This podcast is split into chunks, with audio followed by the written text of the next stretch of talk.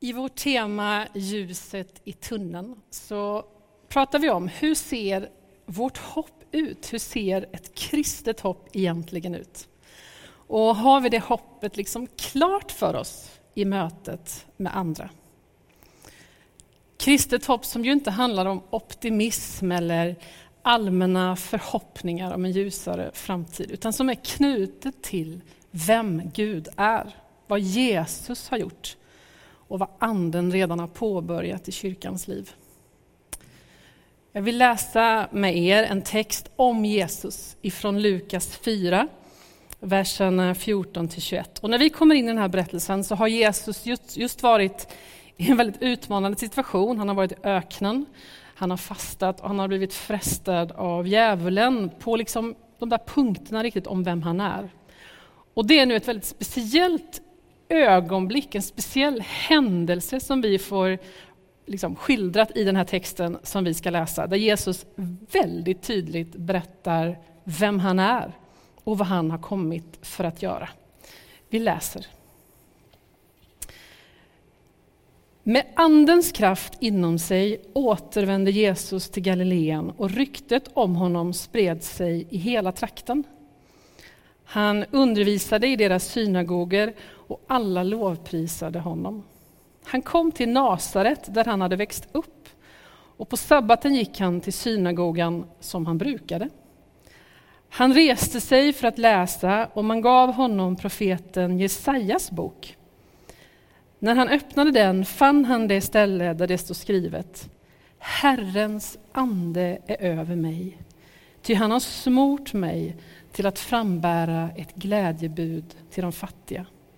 Han har sänt mig att förkunna befrielse för de fångna och syn för de blinda och ge dem förtryckta frihet och förkunna ett nådens år från Herren. Han rullade ihop boken och gav den tillbaka till tjänaren och satte sig. Alla i synagogan hade sina blickar riktade mot honom. Då började han tala till dem och sa Idag har detta skriftställe gått i uppfyllelse inför er som hör mig. Vilket, vilket, vilken, vilken märklig stund. Jesus säger om sig själv, nu händer det, mitt framför era ögon. Ni som är samlade här till gudstjänst, det är en ny tid. Det som profeten Jesaja sa skulle hända en dag, det händer nu. Ni ser det. Till alla människor i alla tider efter det, som på olika sätt lever under den här tillvarons begränsningar, omständigheter, till och med förtryck. Han är här. Jesus som är frälsaren och befriaren har kommit. Så Jesus kommer, gör Gud synlig, blir liksom Guds ansikte för alla oss människor, lever bland människorna, förklarar Guds rike och ger liksom oss en plats hos honom själv där frihet och glädje råder. Hos denne Jesus suddas gränser ut, förtryck upphör, bördor lyfts av, skam och skuld lyfts av. Det är detta som Jesus säger om sig själv och som vi får ta emot. Hos Jesus finns verkligt hopp. Ljuset i tunneln har vi ju kallat det här temat. Och det är ju ett talesätt helt enkelt för att man börjar se slutet på de problem man står i.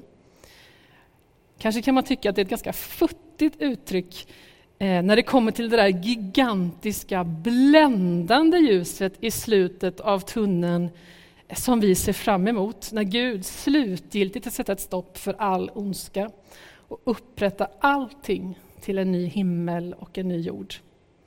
Men det är det som är vår framtid och vårt verkliga hopp och mot det ljuset är vi på väg.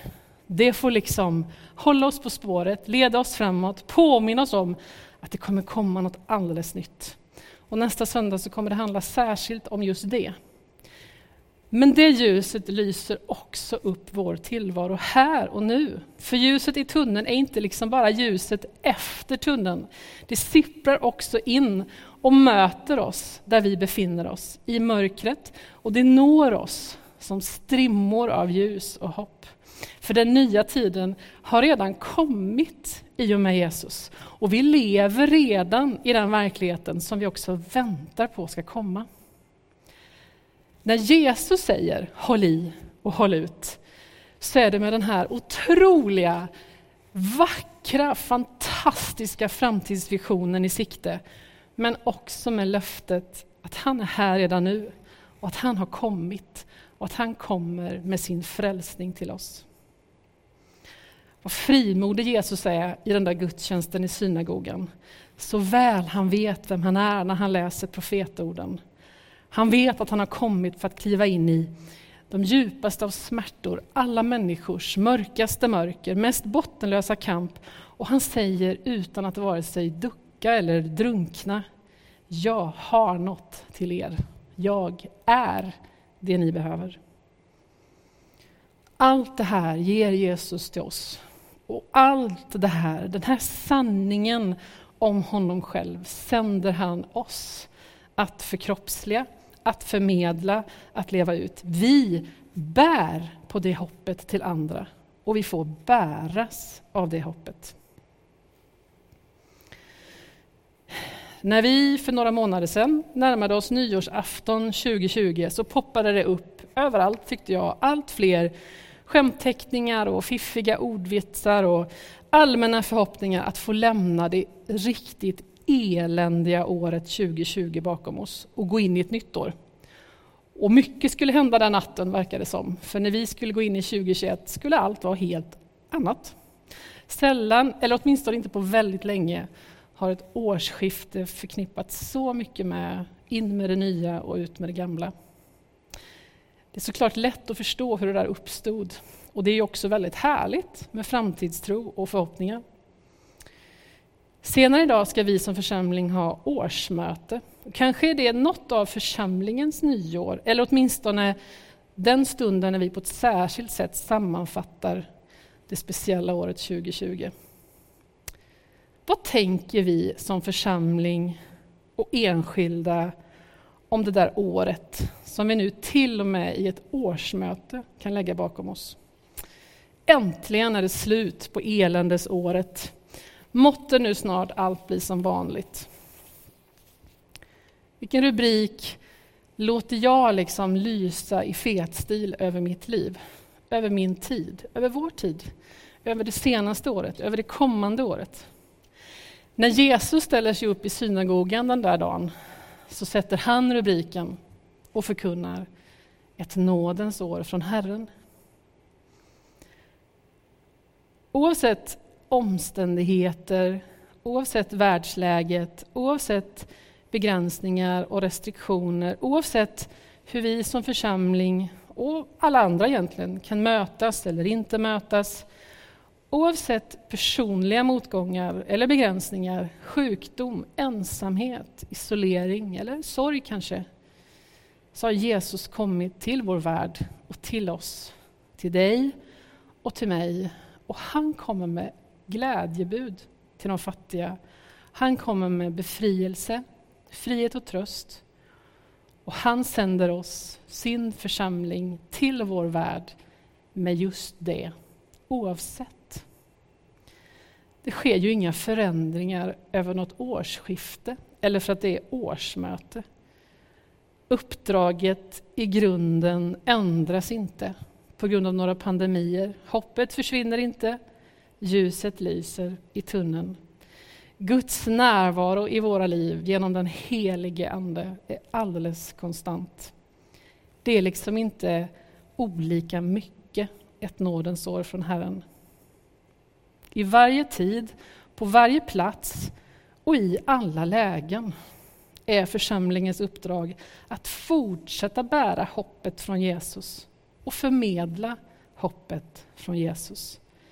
Att berätta för en värld som lider att Gud inte har övergett den och att han har en plan för varje människa. Att han räddar, förlåter och upprättar och att hans kärlek är helt utan gräns.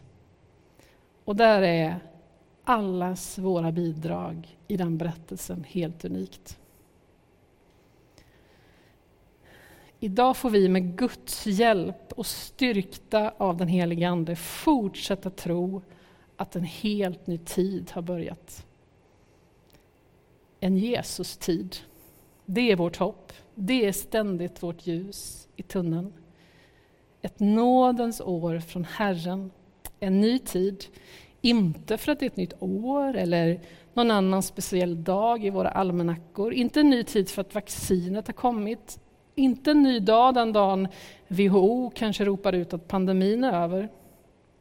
Inte en ny tid för något särskilt som händer i våra egna liv. Vi lever i en ny tid, i Jesus-tiden. Och den har pågått länge nu och den beror bara på, och inget annat, än att Jesus har klivit in i historien och geografin.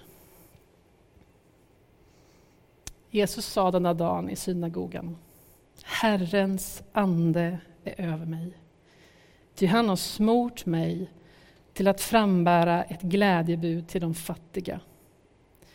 Han har sänt mig att förkunna befrielse för de fångna, syn för de blinda och ge dem förtryckta frihet och förkunna ett nådens år från Herren.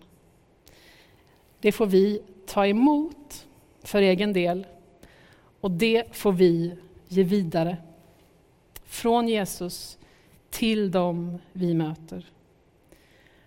Vårt hopp och vårt uppdrag är för alltid knutet till vem Gud är, vad Jesus har gjort och vad Anden redan har påbörjat i kyrkans liv. Amen.